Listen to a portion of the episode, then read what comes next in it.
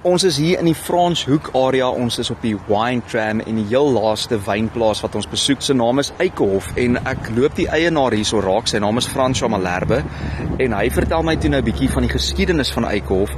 François, jy sê jou oupa Grootjie het hierdie plaas in 1903 gekoop. Dis reg, ja. So met ander woorde, jy is die 4de generasie. Dit was jou oupa, dit was jou oupa Grootjie wat dit gekoop het ja. en toe jou pa uiteraard en nou is jy die 4de generasie. In watter jaar het jy toe oorgeneem? Ek het in 1996 oorgeneem. Jou vrou se naam is Elise en sy het nou-nou vir my gesê, mense nou dink mense met 'n wynplaas, dinge gaan goed want dit lyk goed. Jy weet, die wyn loop, die mense is vriendelik en gelukkig.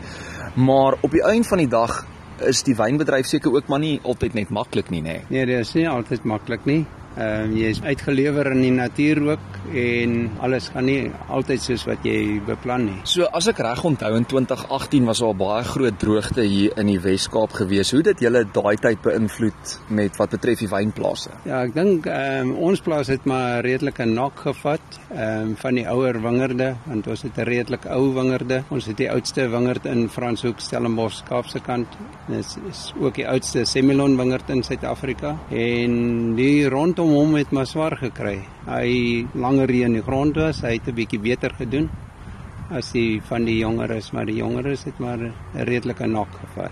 Is ek reg as ek sê soos die boere veral ook nou met die wynplase, hulle werk amper die hardste, maar dis nog steeds die middelman wat die meeste geld vat, nê? Nee. Ek sê nie dit is heel moontlik so. Ehm um, jy op die plaas self speel is maar baie keer middelman self ook. So dan vat ons ook daarom 'n bietjie meer as wat jy nou net die drywe sal verkoop of jou wyn in bulk sal verkoop.